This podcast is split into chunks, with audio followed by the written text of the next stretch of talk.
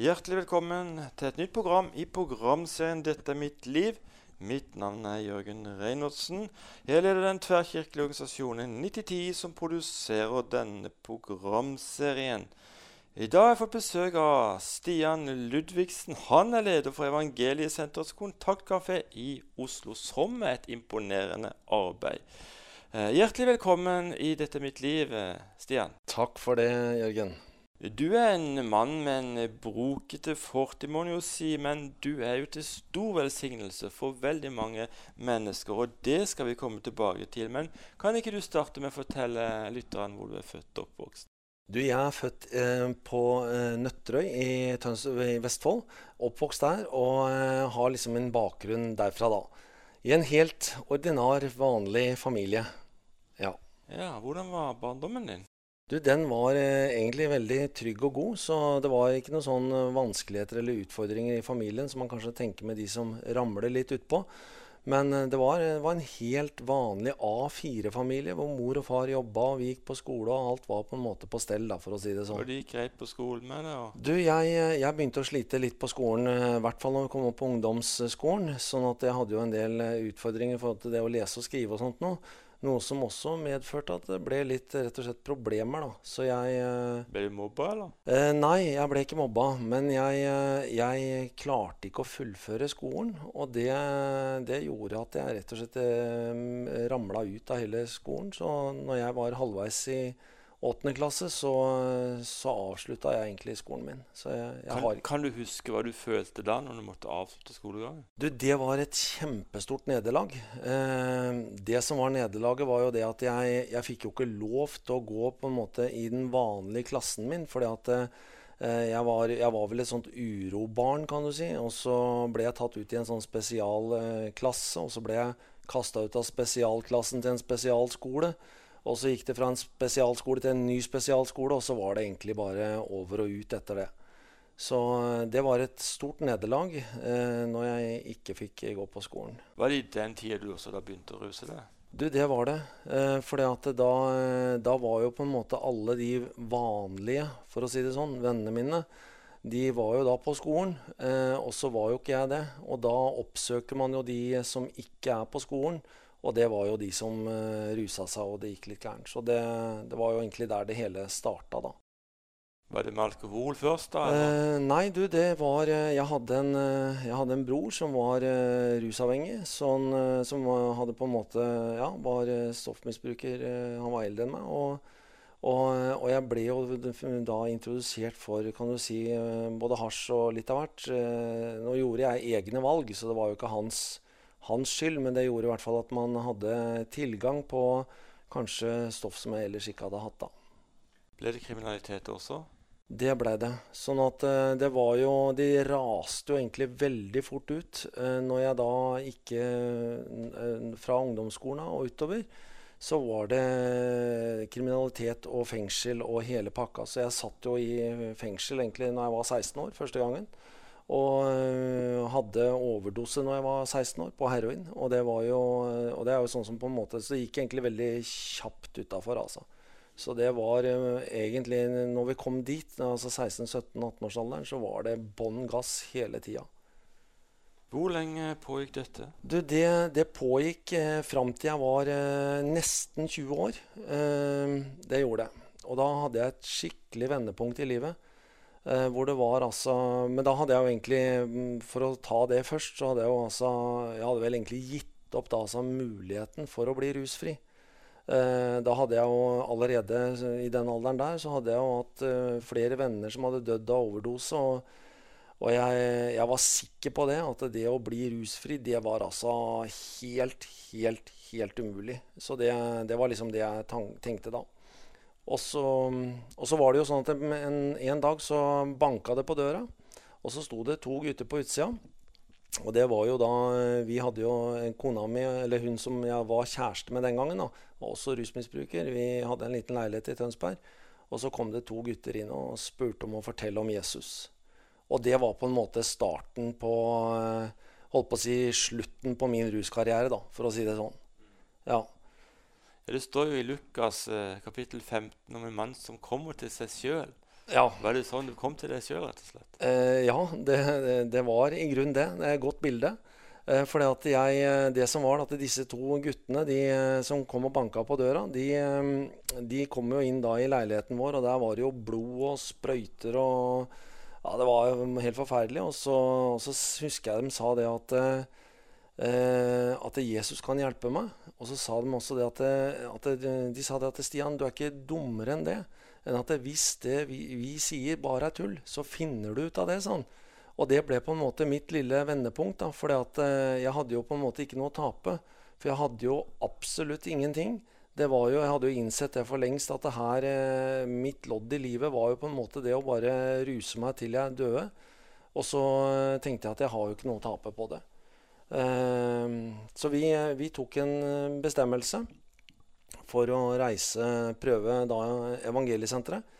Og, eh, og den, disse guttene og, og, den familien rundt de guttene de hjalp oss da inn på evangeliesenteret. Eh, kjørte oss inn, og vi, vi ble via altså i pinsemenigheten Betania. Så vi slutta altså med stoff og ble gift og slutta å banne, stjele og røyke og alt, liksom. Den 8.07.1991. Så det var på en måte en sånn der fra, fra døden til livet-dag for, for, oss. Så min kone og jeg, da, som har vært gift da i mange år, vi feirer jo den dagen eh, hvert eneste år. Og det er jo ikke bare en fest for eh, at vi har hatt bryllupsdag, men det er også en fest fordi at vi har eh, Det var vårt vendepunkt altså til Jesus, men det var også vår Altså Det var der vi, vi, på en måte kunne bli rusfrie og starte et nytt liv, da. Mm. Mm. Men du hadde et par uh, feilskjær også underveis? Ja, jeg hadde flere feilskjær. Uh, det å bli rusfri, det var en uh, tøff kamp. jeg trodde jo det i starten, at, at, det var helt umulig, som jeg sa, å bli rusfri. Og, og, jeg trodde også det når jeg kom på evangeliesenteret, at, at jeg måtte kjempe resten av livet med å bli rusfri. Det var det jeg trodde. Sånn at jeg trodde liksom ikke det at det gikk an å bli helt fri. Så mens jeg var på evangeliesenteret, så hadde jeg, hadde jeg flere fall, eh, sprekker. Eh, og, men ble hanka inn igjen og kom tilbake. Eh, og så eh, opplevde jeg egentlig det at jeg på en måte på et tidspunkt der eh, jeg var på senteret, da, ga hele livet til Jesus og ble helt fri. Det opplevde jeg. Og så ble jeg stående da i, i, i flere år. Og øh, begynte å jobbe med, med rusavhengige og sånn. Og, og, og, for, og, så ble jeg da så kom jeg til et punkt igjen senere i livet hvor jeg da så ble veldig sliten og ble utbrent og så liksom ikke noe utvei på det heller. Og løste det på den dårlige måten at jeg sprakk enda en gang. Så øh, det, men det er jo mange år siden nå. Eh, det er jo det er veldig, veldig mange år siden. Så eh, det var i 2002 som jeg på en måte var utbrent. Og, eh, og jeg på en måte krabba meg tilbake igjen. Men jeg, jeg tenkte det at det, det Altså den, den, største synden da, som vi gjør, er jo på en måte Selvfølgelig er det vondt og vanskelig å, å falle. Men den største synden er jo det å ikke reise seg igjen. Det at vi ikke starter på nytt igjen. Eh, så, så, det oppi det hele så ble det jo en stor seier da, at jeg kunne få reise meg, og at jeg kunne få gå videre. Og, eh, og lever av det herlige livet som jeg da lever, føler jeg lever i dag. Det er veldig godt sagt, eh, Stian. Jeg tenker litt på Hanne, kona di. Hun har stått hele veien siden hun ble rusfri. Ja. hvordan reagerte hun når du da falt ut på etter en del år? Nei, hun, eh, hun, er jo en veldig Der er ei dame med bein i nesa, for å si det sånn. Så hun er en tøff dame. Så hun sa rett og slett det at skal du være gift med meg, så må du bare ta eh, saken i eh, Da må du gjøre noe med dette. Så det var, var veldig enkelt og greit. Så det var kjærlig, men bestemt. Og det var jo egentlig til god hjelp. For jeg innså jo det for lengst at jeg må jo bare gjøre noe. Så, ehm, så ja. Eh, du var en periode ungdomspastor i Tønsberg? Det stemmer. Eh, det var jeg. Ja. Og det var en herlig tid. Hva skjedde der? Du, der var det Det var masse Altså, det var jo herlig med å jobbe med ungdom. Eh, på den tida så følte jeg meg litt sånn ungdom selv òg. Det kan jeg faktisk gjøre ennå. selv om jeg nå begynner å bli nærmere 50. Men, eh, men, nei, det var en herlig tid. Det var masse som skjedde. Det var møter, det var, eh, var vekkelse, det var eh, bånn gass med masse leirer og mye forskjellig hele tiden, altså. Eh, du, eh, det var vel i den perioden kanskje også da, at du, du fikk disse utfordringene og, og ble utbrent. Eh, men da kjørte du rett og slett bilen i fjellveggen? Nei, du, jeg, jeg, kjørte ikke bilen i fjellveggen. Det gjorde jeg ikke. Men jeg kom til det punktet hvor jeg, hadde, altså hvor jeg så på det som min eneste løsning. Og det var i det momentet der at jeg, altså jeg tenkte at nå, nå må jeg enten så kjører jeg bilen i fjellveggen, eller så må jeg bare Eller så må jeg finne en annen måte ut av det. Og hvor jeg da, eh, hvor jeg da sprekker, da. Eh, så det var, det var, altså en ekstremt dårlig måte å levere sykemeldinga på. Eh, for å si det på, på, den måten. Men det var jo også, vi jobba jo ikke bare med ungdom, vi jobba jo med, med, masse rusmisbrukere. Og, og, midt oppi det hele så, så hadde, også, hadde, jeg også en veldig vanskelig ting i, fordi at uh, broren min, da, som da også var, uh, var rusmisbruker, han døde jo, døde jo, der, da. Sånn at uh, mens jeg holdt på med dette arbeidet Det er jo som sagt mange år siden, men, men midt, oppi, midt oppi det arbeidet der, hvor jeg jobba i Tønsberg, så, så, døde han av en overdose. Og jeg fant altså han død på kjøkkenet hjemme i leiligheten hans. Og det, det, gikk veldig, veldig inn på meg. Så det var, en, det var en vanskelig ting. Han var eh, bestevennen min og, og en jeg hadde, ja, hadde jo hatt som stort forbilde gjennom hele livet og var jo forferdelig glad i han. Så det var noe av det vanskeligste jeg har opplevd i hele mitt liv, faktisk. Ja. Men du kom tilbake for fullt? Absolutt, det gjorde jeg. Og så tenker jeg det at jeg har vel eh, brukt de tingene som jeg syns har vært vanskelig i livet til å, å, på en måte gjøre, bruke det som noe godt etterpå. Sånn at når jeg nå i dag eh, står og hjelper gutter og jenter i Oslo, så, så tenker jeg jo faktisk på broren min. Eh, og jeg tenker på mora mi, og jeg tenker på faren min og liksom familien vår. Hvordan, hvordan vi opplevde det når, når vi mista broren min. Og Så tenker jeg når, når vi da hjelper mennesker ut av rusen, så er det en mor og en far bak det. Det er en familie bak der. Og det er jo så mange, mange mange mennesker som vi da altså får hjelpe i arbeidet i Oslo uh, ut av dette livet her. da, Og det, det, er jo bare så herlig. Du lytter på programserien 'Dette er mitt liv'. Mitt navn er Jørgen Reinertsen. I dag er i Oslo og besøker uh, Stian Ludvigsen, uh, som er også leder for Evangeliesenterets kontaktkafé i Oslo. Men det var ikke Oslo det starta, Stian? Nei, jeg starta jo min eh, holdt på å si, ru, karriere som, i arbeid med rusmisbrukere i Tønsberg. Eh, altså den byen jeg er da født og oppvokst i, og som jeg da selv var også rusavhengig. Og, eh, og da etter at jeg ble rusfri, så, eh, så begynte vi da som et arbeid der. Eh, det er et arbeid som ble kalt Matthews House. Eh, det var jo egentlig et arbeid som hadde allerede eksistert som et sånt ungdomsarbeid på kveldstid, men vi starta jo da opp med et målretta arbeid på dagtid mot eh, rusmiljøet i Tønsberg. Og da var jo eh, litt av hele opplegget var det å dele ut mat. Og da må jeg skynde meg å si det at det er ikke jeg som har funnet opp det å dele ut brød og fisk. Det er det mhm. en som har gjort før oss. Eh, så vi delte ut mat, og eh, ga også mennesker mulighet til å komme inn på evangeliesenteret. Altså vi tilbød dem eh, en vei inn på senter. Og det holdt jeg på med i mange år. Og det fungerte veldig bra, og det var veldig mange som kom inn på senteret via, via den kafeen der. Ja, men etter hvert så fikk du et spørsmål, var det fra David Filtvedt, om at eh, kan du ikke starte opp i Oslo? Ja, det var altså i 2012 så skulle Evangeliesenteret, eller da starta Evangeliesenteret opp eh, et, et, kontaktsenter. Som da i Oslo De ville starte opp et lignende senter. Og da eh, hadde jo jeg tidligere da jobba i Matthews House, og David Filtvedt spurte om jeg ville være med å, å starte opp der. Så eh, jeg sa til David det at jeg vil gjerne starte kontaktsenter, men jeg sa det at det er i feil by. Da, eh, for jeg trodde jo det at jeg skulle starte opp i Tønsberg igjen. Men, eh, men David sa det at kan du ikke be over det. Og jeg ba til Gud om at han skulle åpne opp dørene i Tønsberg. Og så var det som jeg kjente i hjertet, at døra står på vidt gap. Du må bare gå inn. Og da, eh, da, da hoppa vi, slo vi til. Så min kone og jeg vi tenkte at det får briste eller være. Og så stoler vi på det at Jesus hjelper oss. Så vi begynte i, Tønsberg, nei, i Oslo begge to i 2012. Eh, begynte helt på bar bakke, men hadde jo med oss masse erfaring og sånn fra virksomheten i Tønsberg. da. Og begynte da med å dele ut mat der inne. Og, og fikk jo da oppleve altså en Ja, det er jo, det er jo helt tragisk hvor, hvor, vanskelig det kan være altså i, i hovedstaden vår, da. Så det er, uh, det er jo da mange, mange hundre mennesker som uh, kommer til oss på hver eneste åpningsdag og får mat og drikke og, og trøst og, og, hjelp. Og så, og så tilbyr vi dem altså en, en, et tilbud om å komme på eh, evangeliesenteret på avrusning. Ja. Mm.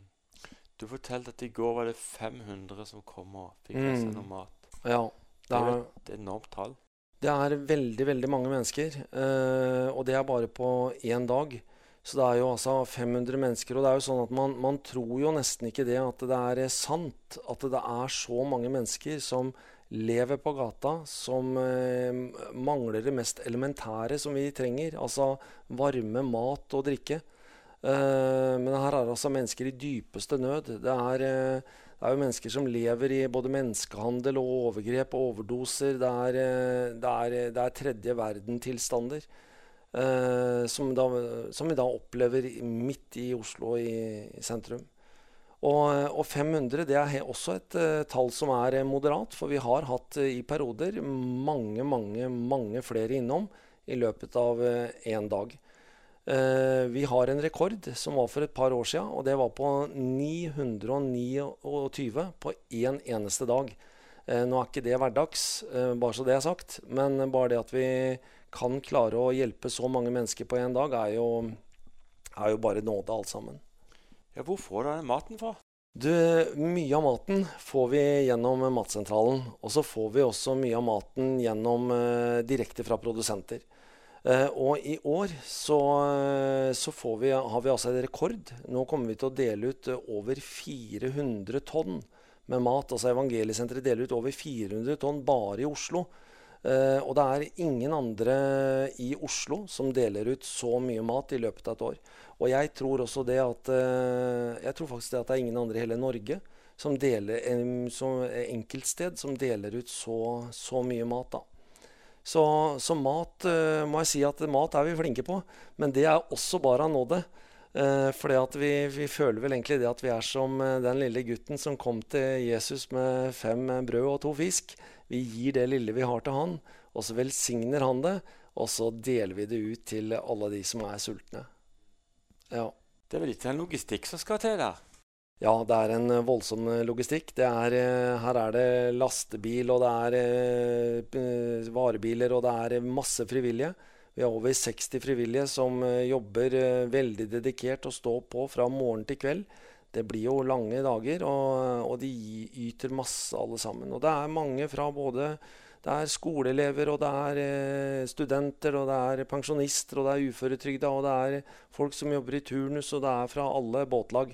Så her, eh, her, er det sånn at alle står sammen om å gjøre noe godt for de som har det vanskelig i, i landet vårt. Får dere også for, formidle evangeliet til dem? Det gjør vi. Vi, eh, vi skammer oss ikke over evangeliet. Vi opplevde, vi, vi, pleier ofte det også å si når vi gir folk mat, så sier vi gjerne 'Gud velsigne deg'. Uh, og det sa jeg til en kar i går. 'Gud velsigne deg'. Og så stoppa han opp, og så så han på meg, og så smilte han, og så sa han tilbake 'Ja, Gud velsigne deg også', sa han. Mm. Så, uh, så, vi opplever det at de faktisk blir veldig godt tatt imot også. og at de på en måte De skjønner hvor de får maten fra. Vi heter jo Evangeliesenteret. Eh, og har vi en mulighet, så forteller vi gjerne om, eh, om Jesus. Eh, og må jo også si det, at det er jo veldig, veldig ofte at, at mennesker kommer til oss og, og spør om, om kan, vi kan få be for dem. Det opplever vi veldig ofte, for de er i en fortvila situasjon og ser ingen annen utvei. spør om forbønn og kan dere be for oss. Og det er mange som også spør om å få, få hjelp til å komme ut av rusmisbruket. Og som, er, som ønsker å, og ha på en måte prøvd det mye, og som ønsker å, å prøve Jesus nå, da, for å starte et, et, nytt liv. Kan du nevne noen konkrete tilfeller? Ja, jeg kan jo um, nevne massevis av tilfeller. Men sånn noen av de tingene som jeg husker som har gjort veldig inntrykk, var f.eks. Uh, ei jente som var 19 år som altså var uh, uteligger. Og, og, du kan si det at når så unge mennesker lever på gata i Norges tøffeste rusmiljø, så gjør det rett Det det er hjerteskjærende.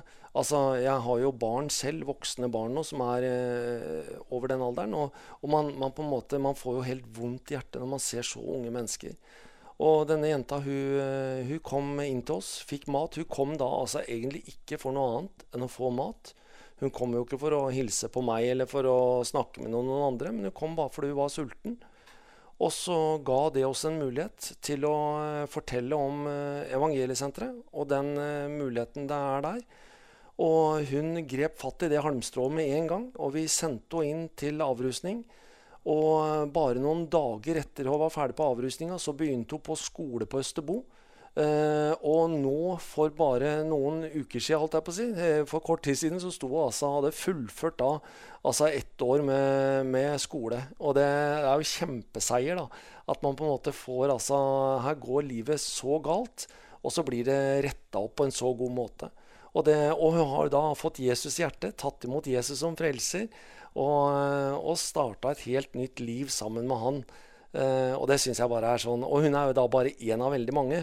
For hver eneste uke så sender vi da mennesker fra, fra rusmiljøet i Oslo og inn til, uh, til Evangeliesenteret. Helt fantastisk arbeid å gjøre. Altså. Kan du fortelle andre konkrete eksempler hvor mennesker kommer inn og blir forvandla? Det er eh, noen av de tingene som jeg kjenner noen ganger sånn griper meg veldig. Og det er jo fordi at jeg har en bakgrunn selv som stoffmisbruker så, eh, så, vet jeg jo det at, du vet det at når du er stoffmisbruker, så er eh, stoffet ditt det er noe av det aller kjæreste, for å si det på den måten, selv om det høres eh, tragisk ut.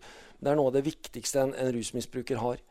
Sånn at det er liksom det siste du slipper, det er, altså, det er jo da stoffet ditt. Men eh, vi har jo da vi har eh, gudstjenester hos oss, eh, og det er hvor vi har møter og sånt noe. Og vi har opplevd mange ganger flere ganger at, at altså i, i, ettermøtet, når vi da inviterer folk til forbønn, at folk kommer og tar imot Jesus, og så bestemmer seg for å begynne et helt nytt liv. Og så hender det i det øyeblikket at uh, mennesker da kommer og sier at her, Stian, her, har jeg en, her ta stoffet mitt. Så gir de meg, gir meg heroin. Og så sier de nå vil jeg begynne på nytt igjen, kan du hjelpe meg inn på senter? Så går vi inn på do sammen. Det er ikke så veldig lenge siden vi gjorde det med en gutt som da kom fram og tok imot Jesus. Og så fikk jeg stoffet hans i handa, og så pakka vi det inn i dorull, eh, dopapir. Og så trakk vi det ned i do på evangeliesenteret, og så ba vi Fader vår sammen.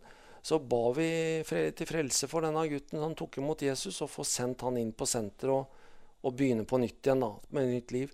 Og det er noe av de tingene som, som, da griper meg veldig når sånt skjer. For jeg vet jo liksom hvor, eh, hvor, viktig det er for en rusmisbruker, dette med stoffet. Det er ikke noe du gir fra deg.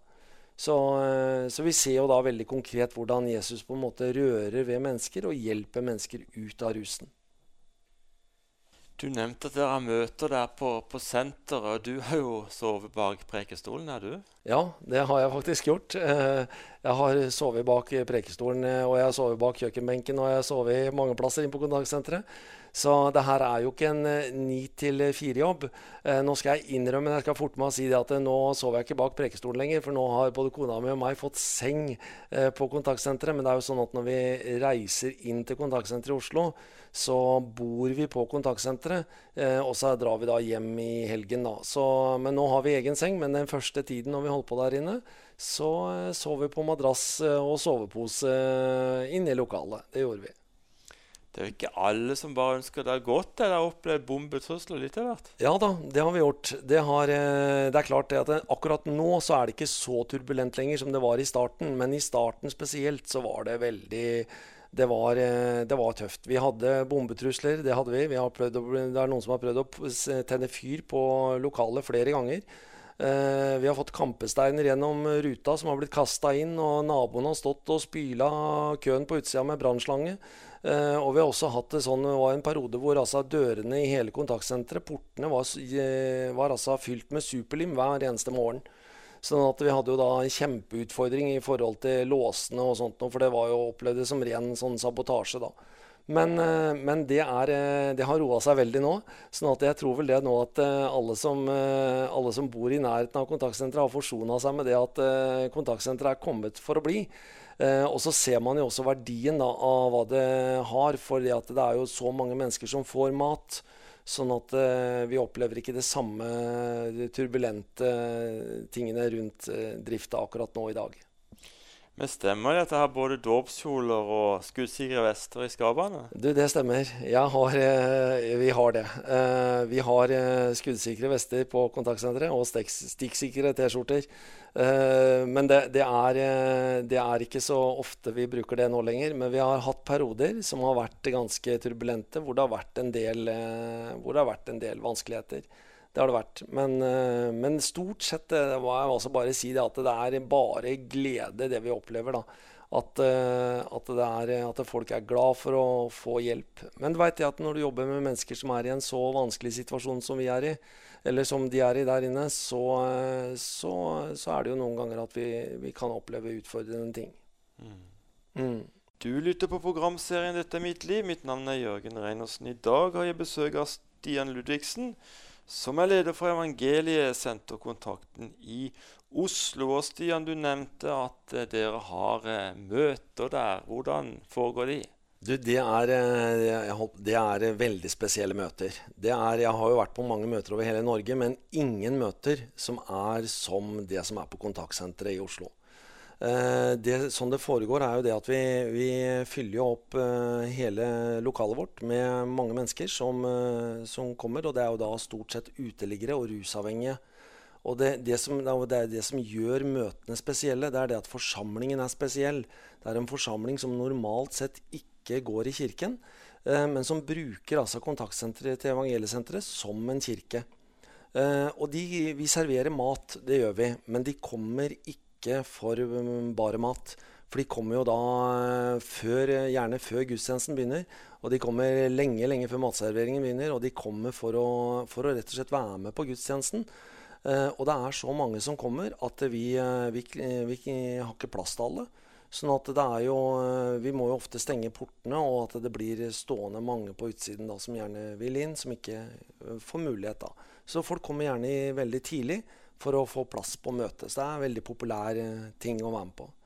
Og så har vi da eh, gjerne sang og vitnesbyrd fra folk fra Evangeliesenteret. Kommer gutter og jenter, forteller om hvordan de har opplevd Jesus. Herlig sang. Og så har vi gjerne en kort, liten preken. Og så inviterer vi til forbønn. Og det, da, er det, da er det det som kan krype og gå, som kommer fram. Og så søker de Jesus. Og noe av de tingene som jeg, som jeg kjenner blir veldig berørt av, da, det er jo det at eh, når vi er ferdig etterpå, så ser jeg rett og slett det at det er, eh, det er veldig ofte så er det store Eller det er i hvert fall dammer med, med mennesketårer på bakken. Og det, det, har jeg altså aldri opplevd. At det ligger altså dammer bortover hvor, hvor jenter og sånn har sittet og grått eh, som lever i største nød. Eh, kommer og gråter og på en måte øser sitt hjerte ut for, for Jesus og roper om hjelp. Og så, um, og så, er det jo sånn også at de, mange tar imot Jesus eh, på disse møtene. Eh, og når de tar imot Jesus, så tilbyr de også en mulighet for avrusning. Og vi gjør det hvis de ikke tar imot Jesus også, altså. Det gjør vi. Eh, men avrustning og rehabilitering og skole og hele pakka. Så det, det starter jo veldig ofte for veldig mange mennesker at de kommer på møte, eh, får seg en suppetallerken, eh, går fram til forbund, tar imot Jesus. Derifra rett på avrusning videre til skole og utdannelse, fagbrev. Og så gifter de seg, og så får de barn og hus, familie. Og så er det jobb å betale skatt og lever med Gud og herlig. Så det er jo det er en fantastisk ting å få lov til å være med på dette. Utrolig sterkt å, å lytte til. Stian, eh, opplever dere at de som da kommer av gårde og så får hjelp, at det er stor prosentandel som blir stående? Ja, veldig, veldig mange blir stående. Eh, og vi har jo også flere tilbud som jeg tror kan være med å gjøre det.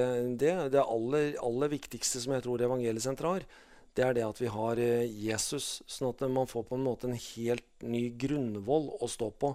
Eh, det er det viktigste. Og så er det noen sånne rent menneskelige ting også. Det er det at eh, veldig mange begynner jo på skolegang og er også så fullfører en skole. Og det gir dem gode forutsetninger til å kunne bli stående etterpå. Så vi ser jo det at de som fullfører eh, rehabiliteringen hos oss, det er, eh, det er veldig, veldig, veldig mange som blir stående. Og, og det kan jo også være en sånn Jeg ser jo det en utfordring for meg, for jeg har jo kjent noen av disse rusmisbrukerne i mange år. Og, eh, og, så møter jeg dem da kanskje etter et år på skolebenken, og så kjenner jeg dem rett og slett ikke igjen. For jeg har jo da sett dem som uh, menneskelige vrak når de da har gått på kjøret. Det er jo det man, altså de ser jo, det er ikke det at dem er vrak, men at de på en måte har jo levd i en så tøff situasjon. Og så har de da vært inne på rehabilitering og blitt reist opp. Og, og ser jo ut som advokater og holdt på å si ja, jeg vet ikke hva. Altså. Så det er, jo, det er jo en kjempeforandring som skjer. Eh, ikke bare på innsiden, men også på utsiden. Hanne Sørmo hun er jo rektor på bibelskolen. Jeg mener Hun sa at av de som hadde fullført Tore-studiet, eh, det var det 80 som, som klarte seg etter fem ja. år. Det er jo helt enormt. Det er helt enormt. Det, det er jo også et sterkt vitnesbyrd om at, eh, at, det rett og slett fungerer med Jesus. Ja. Ja, Hvordan vil du betegne rusmiljøet i Oslo nå for tida? Du, det, er, eh, det, er, et hardt rusmiljø i Oslo. Det er eh, annerledes enn det det er i eh, de aller fleste andre byer. Det er jo uten tvil det største åpne rusmiljøet i hele Norge. Og det kommer jo av det at det er, det er jo den største byen også. Og det er veldig mange fra andre byer som kommer til Oslo for å kjøpe rus og stoff. Uh, og det er jo helt åpent rusmiljø. Sånn at er, stoff selges jo på gata og over disk, nærmest. Så det er jo veldig, veldig lett tilgjengelig for alle. Og det er et tøft miljø med, som jeg sa tidligere innledningsvis, at det er jo med både vold og menneskehandel og prostitusjon, voldtekt overdoser. Det er, det er alt som på en måte dette her bærer med seg. Så det er et eh, veldig tøft miljø. Altså Dere ligger jo i veldig si, sentralt til når det gjelder å nå disse. da. Eh, jeg var jo der nede og kikka på det, det, var mange mennesker der som virkelig hadde det tøft. altså. Ja. Vi ligger jo, vi ligger jo i det mest belasta området i hele Oslo. Det gjør vi. Og det er, jo, det er jo, selv om Vi ikke har så, vi har jo ikke et sånt kjempestort lokale. Det, selv om det er stort, så kunne det godt ha vært større. Men plasseringa vår gjør at vi, vi kan ikke flytte, fordi vi ligger akkurat der hvor mennesker som trenger hjelp, er. Så vi bare lukker opp døra, og så er, eh, er, det egentlig helt fullt. Så det er jo sånn det er, da. Så, så vi har jo ikke noen sånn uh, annonsering på at nå har vi åpent. Vi bare lukker opp døra, og så kommer mennesker med en gang. Mm. Men altså, dere opplever jo mennesker i den dypeste nød og, og sånt. Hvordan håndterer dere dette eh, følelsesmessig?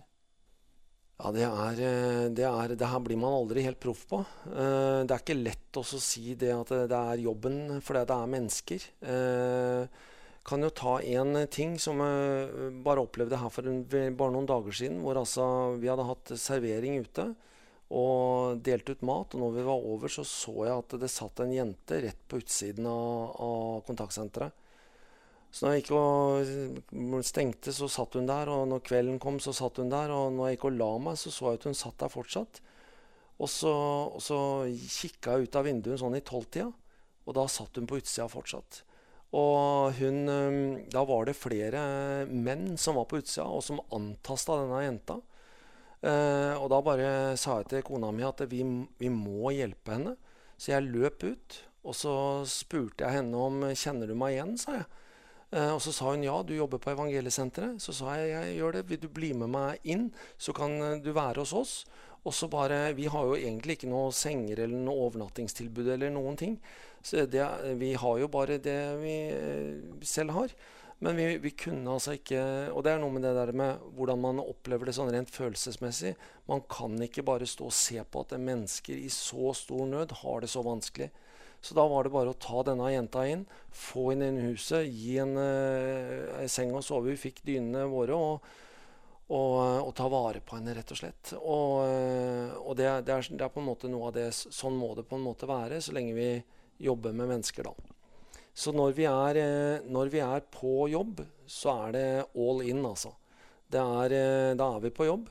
Og så er det jo selvsagt sånn at uh, vi trenger også å kunne koble av.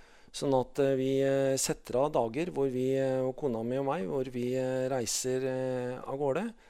jeg reiser hjem, for vi har da et hjem utafor Oslo. Og så og så kobler vi helt av. Og da, da, er det gjerne sånn at man må skru av telefonen og gå en tur og lade opp batterier. Og, og så kanskje vi ja, gå på date sammen, rett og slett. Ta med en pakke grillpølser og grille litt på stranda, eller hva som helst. Ja. Du nevner dette her, det rører jo veldig med hjertet med den jenta der som ble tatt inn. og sånn, mm. men, men, det er jo dette som var starten til Evangeliesenteret. Med Lise og Ludvig de starta vel i garasjen, var det ikke så? Ja. Tok inn mennesker og Wow. Det er jo noe av det som er evangeliesenterets eh, sterkeste side, vil jeg si. Det er det at eh, det, er, det sterkeste siden til evangeliesenteret er jo det at man gjør noe. Eh, selv om man ikke altså er Man er kanskje ikke doktor eller eh, sykepleier eller man er professor, eller, men man gjør noe. Så når mennesker lider, så er det ikke noen som står med hendene i lomma. Vi snur hver eneste stein. Eh, trenger vi å få til noe, så kaller vi sammen og får lastebiler og folk og mannskap og dugnad og tryller sammen. Og så ber vi til Gud, og så, og så ordner dette seg. Så det er jo den sterkeste siden her. Det er jo det at man faktisk gjør noe da, oppi det hele. Hva vil du si til de av lytterne som akkurat nå sliter med et rusproblem? Eh, jeg har lyst til å gi dere et uh, bibelvers. og det, er, uh, det, står i Lukas 1,37, hvor det står det at ingenting er umulig for Gud. Og det er altså noe jeg selv har opplevd, for jeg altså var helt sikker på det. At det aldri gikk an å bli kvitt altså Jeg var jo da heroinmisbruker og var avhengig av heroin. heroin og, og, var helt sikker på at det var umulig å bli rusfri. Eh, men jeg har lyst til å si det at det er mulig. Det er, altså ikke bare, det er mulig å bli så rusfri at du ikke har lyst på rus. Og at du, blir, eh, du kan bli altså, hvor, du, hvor, hvor du byr deg helt imot. altså. Så ingenting er umulig for Gud. Søk Jesus, så, så vil han hjelpe deg. Og, og, er det sånn at du føler deg alene, så går det an å ta kontakt med, med, kanskje noen kristne som du kjenner. Og du kan også ta kontakt med Evangeliesenteret. Så kan vi få lov til å hjelpe deg videre. For det er altså tusenvis av mennesker gjennom disse åra. Det er jo da 6-7-38 år som Evangeliesenteret har holdt på. Som tusenvis av mennesker har fått oppleve akkurat det at man har blitt eh, helt rusfri ved Guds hjelp. Har du også lyst til å komme med en hilsen til lytterne som kanskje ikke sliter med rus? Ja, da vil jeg, da vil jeg holdt på å si bare søk Gud og gå, gå Guds vei. Eh, du er god nok akkurat som du er. Og så må vi huske på det alle sammen, at, eh, at vi kan alle sammen være med og gjøre en forskjell for de som eh, har det vanskelig. Det står det i Bibelen at vi er skapt i Hans bilde til gode gjerninger. Eh, så jeg tenker at her kan alle være med og bidra. Er du skapt til å gjøre noe, så er det veldig lett å gjøre det. Eh, for det er liksom meninga at du skal gjøre det, og vi er skapt til gode gjerninger. Så vær med og gjør noe godt for, eh, for andre. Så kan du gjøre så, så, livet blir litt lettere for de som er dine medmennesker. Ja. Kan du tenke deg å be en bønn for lytteren? Ja, la oss be. Herre, vi takker deg for at du eh, er med hver og en av de som sitter og hører på nå. Herre, du ser de som er i en vanskelig situasjon, og som uh, trenger akkurat det og at uh, ingenting er umulig for deg. De som trenger hjelp. Takk, Herre, for at du hjelper de som, som er i en vanskelig situasjon, ut av den situasjonen. Og så ber vi også, Herre, at du velsigner hver og en, også de som kjenner deg, og de som ikke kjenner deg, Herre. Herre, du velsigner alle sammen og takker deg, Far, for at du hører vår bønn. I Jesu navn. Amen. Amen. Stian Ludvigsen, hjertelig tusen takk skal du ha for at du takker ja til å være med i Dette er mitt liv. Må Gud rikelig velsigne deg, din familie og din tjeneste i årene fremover. Kjære lytter, jeg er overbevist om at det du har hørt i dag, har rørt ved ditt hjerte. Om du ikke har tatt imot Jesus som din personlige frelser og ønsker fred med Gud, kan du be denne enkle bønnen. Jesus, jeg kommer til deg nå slik som jeg er. Tilgi meg for mine synder. Jeg omvender meg og tar imot deg som min Herre og Frelser i livet. Takk at jeg nå kan kalles et Guds barn, fordi ditt ord sier det. Når du har bedt denne bønnen, er det viktig at du blir med i en lokal menighet. Det vil vi veldig gjerne være behjelpelig med. Og vi sender gjerne et Nytestamente sammen med litt annen litteratur i posten til deg gratis. Du kan bare kontakte meg, Jørgen Reinertsen, på Facebook, eller du kan gå inn på vår hjemmeside 9010.no. Dette staves slik nitti10.no. Her finner du også kontaktinformasjon til meg, samt eh, tidligere innspilte programmer i denne serien. Helt til slutt vil jeg be en bønn for deg som er syk og opplever tøffe tak i livet. Du kan gjerne legge ei hånd på brøstet ditt hvis du er komfortabel med det. Kjære Jesus, takk at du ser akkurat den som lytter på dette programmet og har behov for en berøring av det.